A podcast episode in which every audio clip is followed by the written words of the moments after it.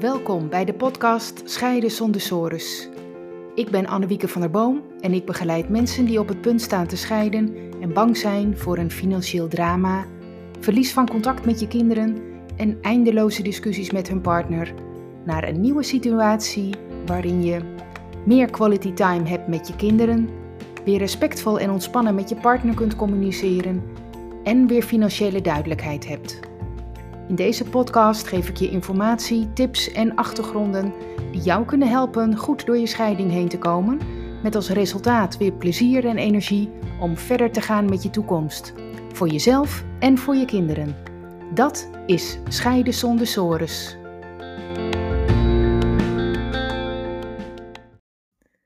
Leuk dat je er weer bent. Deze aflevering maak ik over huwelijkse voorwaarden. En dan specifiek over het wijzigen daarvan tijdens het huwelijk. Daar kan namelijk heel veel mee misgaan en ik wil je graag daarvoor behoeden. Maar goed, dan moet je natuurlijk eerst wel weten wat het risico is. Oké, nou, daar gaat deze aflevering over. Wat ik ehm, onlangs, onlangs weer meemaakte is dit. Mensen uh, zijn al lang gehuwd en hebben bij het begin van hun huwelijk huwelijkse voorwaarden gemaakt. Oké, prima. Maar dan gaan ze deze jaren later wijzigen. Daar kan best wel 10, 20 jaar tussen zitten. En um, dan komt er een scheiding. En dan blijkt dat er dus heel veel onduidelijkheden zijn over de huwelijkse voorwaarden. Wat stond er in de oude? Wat stond er in de nieuwe? Wat is er gewijzigd? En wat betekent dat voor nu? Um, ja, het wijzigen van huwelijkse voorwaarden heeft grote consequenties. En in deze aflevering wil ik je inzicht geven in de risico's hiervan. Uh, wat zijn de valkuilen? Waar moet je voor oppassen? Hoe kun je het ook voorkomen dat het anders uitvalt dan je had gewild? Ja, maar waar gaat het eigenlijk over? Wat kan er dan misgaan? Nou, ik geef, ik geef je eerst een paar voorbeelden, beelden, dan krijg je een idee daarvan. En dan geef ik je ook nog vijf concrete tips om te voorkomen dat je voor nare verrassingen komt te staan bij je scheiding. Um, nou, een voorbeeld. Voorbeeld 1. Ehm, de man die had een eigen zaak en vastgoed en mevrouw had geen vermogen. Dus ehm, ja, ze hadden huwelijkse voorwaarden en dan betekent dat even heel kort door de bocht dat uh, al het vermogen uh, wat de man had bij hem bleef en al het vermogen dat de vrouw had, dat was dus niks, maar oké, okay, van haar. En bij een scheiding, ja, volg je dan de huwelijkse voorwaarden en dan um, kreeg mevrouw dus niks. Oké, maar goed, daar kies je voor hè, om het zo uh, af te spreken. Uh, maar goed, nou, het huwelijk, ik denk dat de mensen al wel een jaar of 15 getrouwd waren. Uh, toen mevrouw zei, ja, ik wil graag um, toch een wijziging daarvan. Ik vind dat niet meer bij ons passen. We houden toch al van elkaar. We zijn al zo lang samen. Laten we daarmee stoppen met die huwelijkse voorwaarden. Laten we het zo vastleggen dat, um, dat het weer gemeenschap van goederen wordt. Nou, juridisch zeg ik dit niet helemaal uh, juist hoor, dat weet ik heel goed. Maar um, um, uh, het komt erop neer dat ze dus gingen afspreken dat alles van hun 50-50 was. Denk je, nou, echte liefde, hartstikke mooi. Hè? Daar kiezen ze bewust voor. Nou, ze gingen naar de notaris, regelden dat, lieten het allemaal netjes zo vastleggen. Maar de inkt was nog niet droog van het tekenen uh, van de huwelijkse voorwaarden bij de notaris. En mevrouw zei, uh, echt een paar weken nadat dat allemaal was getekend, ik wil scheiden. Ja, dat was een hele nare verrassing voor de man. Die had het ook helemaal niet zien aankomen. En ja, ik kan niet anders zeggen, dit was gewoon een vooropgezet plan van de vrouw geweest. Ze had gewoon al in haar hoofd gehad dat ze wilde scheiden. Ze wist dat ze niet zou krijgen uh, van het vermogen van de man bij een scheiding. En ze dacht, weet je wat, ik um, praat hem er doorheen dat, we, uh, dat, dat er een gemeenschap van goederen komt. En dan heb ik bij een scheiding wel gewoon recht op geld. Ja, en zo ging het ook bij die scheiding. Wil je dat? Nou ja, ik denk het niet, hè? Oké, voorbeeld 2. Uh, mensen ook gehuwd op huwelijkse voorwaarden, ook uh, vermogen apart. Um, en er stond ook uh, in hun huwelijkse voorwaarden een zogenaamd verrekenbeding in. Dat is een bepaling om overgespaard inkomen, dus eigenlijk inkomen van beide, wat niet is uitgegeven, dat je dat gaat verdelen. En dat betekent dus als de een veel meer verdient dan de ander, dat, dat laten we even zeggen, dat spaargeld wat er dan overblijft, dat dat ook 50-50 wordt verdeeld. En um, dat gaat dan per jaar, of nou er zijn bepaalde methodes voor. Nou, zij vonden eigenlijk deze mensen dat dat niet meer van deze tijd was. Dat is ook zo, dat is een beetje ouderwetse bepaling. Maar ja, als je al lang getrouwd bent, hebben heel veel mensen dat er wel in staan. Het is namelijk in de praktijk heel onhandig en, en, en het heeft, eh, nou, uh, daar gaat deze podcast nou niet over, maar het heeft best lastige consequenties. Dus heel begrijpelijk dat ze dat wat meer um, van de, deze tijd wilden maken. Nou, dat verrekenbeding ging eruit. En ze lieten bij de notaris vastleggen dat, um, uh, in dit geval dan mevrouw, die verdiende wat minder, dat zij, um, mocht er een scheiding komen, dat ze dan per jaar een bepaald bedrag zou krijgen van, van de man hiervoor. En het was ook een concreet bedrag. Er stond ook zo in de huwelijkse voorwaarden laten we zeggen 10.000 euro per jaar dat ze getrouwd zouden zijn. Nou, dat is lekker duidelijk, hè? kan er geen discussie over ontstaan. Dus um, nou, dat was ook goed vastgelegd door de notaris. Er stond ook uitgebreid in de nieuwe, huwelijkse voorwaarden waarom ze hiervoor gekozen hadden. En ja, stond er gewoon heel duidelijk in. Nou, niks aan de hand. Prima. Maar wat niet besproken was, dat was het volgende. In de oude huwelijkse voorwaarden stond dat de woning, en die was uh, van meneer helemaal in eigendom, um, dat um, wat betreft woning, dat bij, als er dan een scheiding zou komen, dat de vrouw dan de helft van de overwaarde zou krijgen tussen het moment uh, van het huwelijk en het moment van de scheiding. En dan wordt het huis getaxeerd bij de scheiding. En um, nou, de waarde van het huis op het moment van de huwelijkse voorwaarden stond er ook duidelijk in.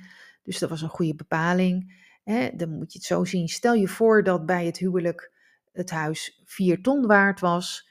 En bij de scheiding is het 6 ton waard. Dan is het dus 2 ton in waarde gestegen. En dan zou uh, mevrouw uh, de helft daarvan dus 1 ton meekrijgen bij een scheiding. Nou, dat is dus een hele mooie bepaling die ze in de eerste huwelijkse voorwaarden hadden opgenomen. Maar wat bleek nu? Bij de nieuwe huwelijkse voorwaarden was die bepaling er helemaal uitgehaald. Alleen dat hadden ze helemaal niet besproken. Ze wisten het ook echt allebei niet. En ze kwamen er nu pas achter nu er een scheiding speelde. Uh, dat is natuurlijk heel ernstig.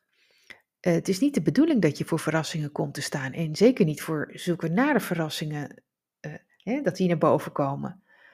Want als je nu kijkt uh, bij de scheiding naar de positie van, van deze mevrouw, zou ze dus helemaal niets krijgen.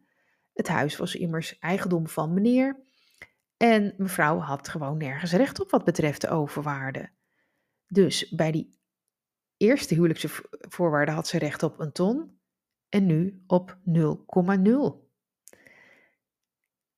Ja, dus daar was wel wat misgegaan. En dit zijn geen bedenksels van mij, hè? dit is echt waar gebeurd in mijn praktijk. Ben ik echt zo tegengekomen.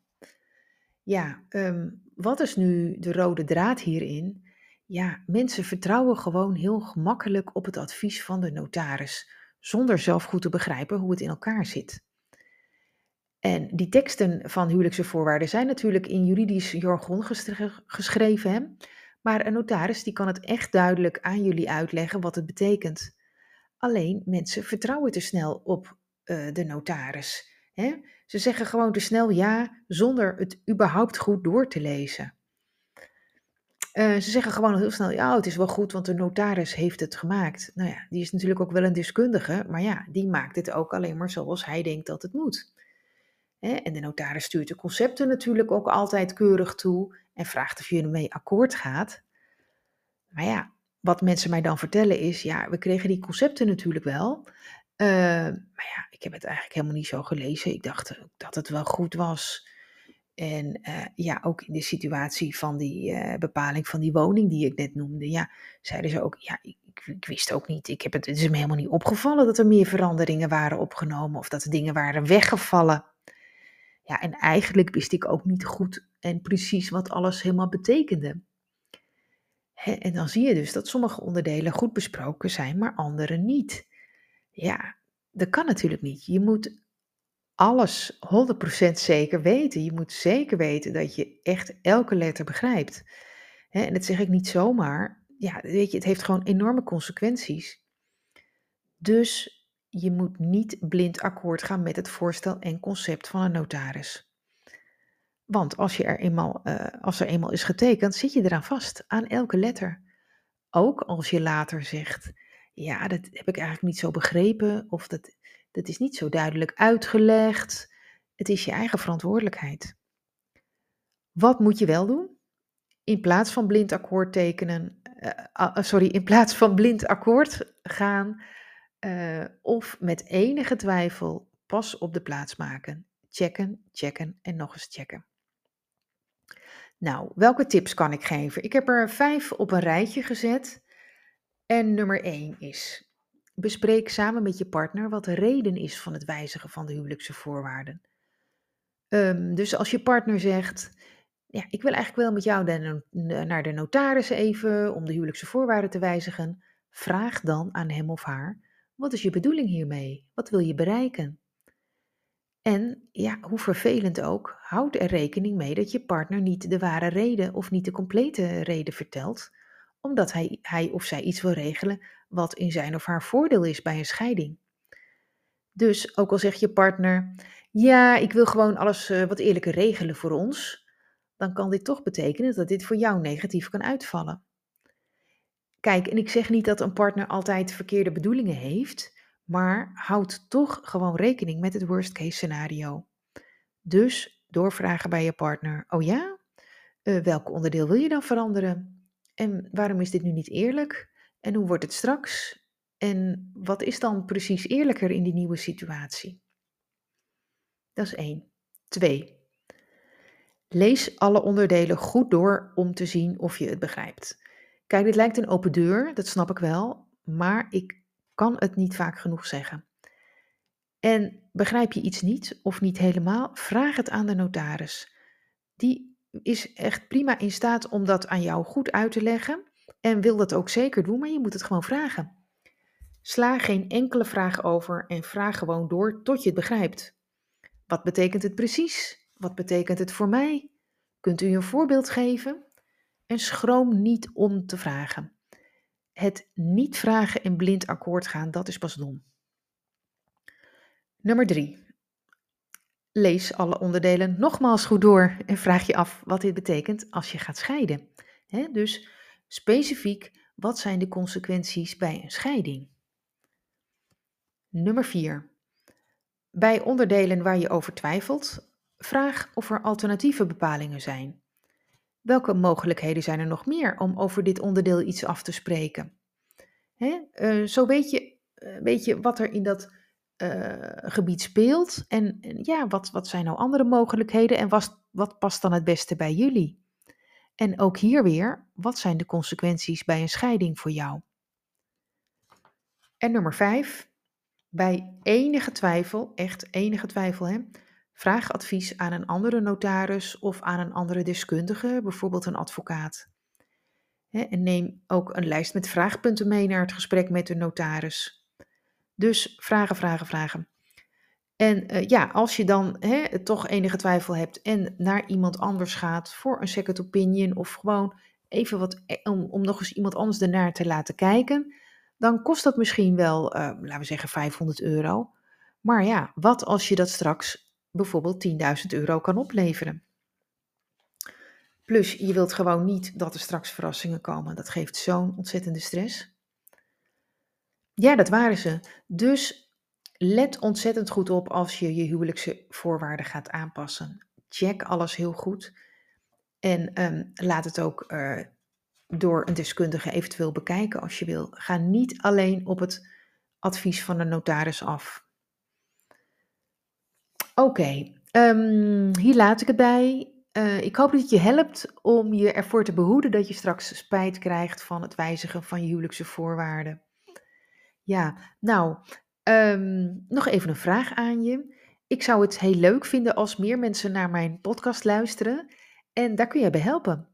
Heel simpel door een review te geven op Spotify of op Apple Podcast. Ehm, als je dat wil doen, super Ehm, hoe gaat dat dan? Nou, bij Spotify Ehm, doe je dat zo. Ehm, je gaat staan op het overzicht van alle afleveringen, waar je alle afleveringen onder elkaar ziet, eigenlijk de titels. En dan zie je rechtsboven een vakje met drie puntjes. En als je daarop klikt, dan zie je show beoordelen en dan kun je een aantal sterren geven. En bij Apple gaat het als volgt. Ook weer het schermpje pakken met het overzicht van alle afleveringen. Dan scroll je een beetje naar beneden, een stuk of acht afleveringen. En dan zie je een stukje beoordelingen staan. En um, ietsje daaronder, echt vlak daaronder, um, kun je ook nog bij schrijfrecensie een recensie geven met sterren. Dus bij beoordelingen, beoordelingen kun je een paar sterren geven en iets lager kun je nog een eigen tekstje geven. Nou, superleuk als je dat wil doen. En um, ja, tot de volgende aflevering.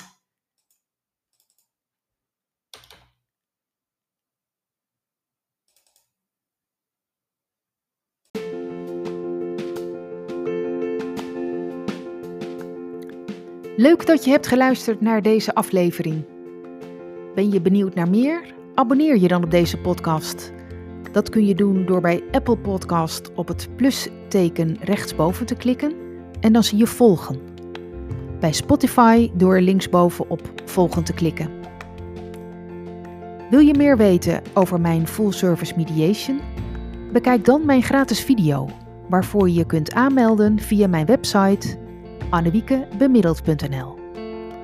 Tot de volgende aflevering.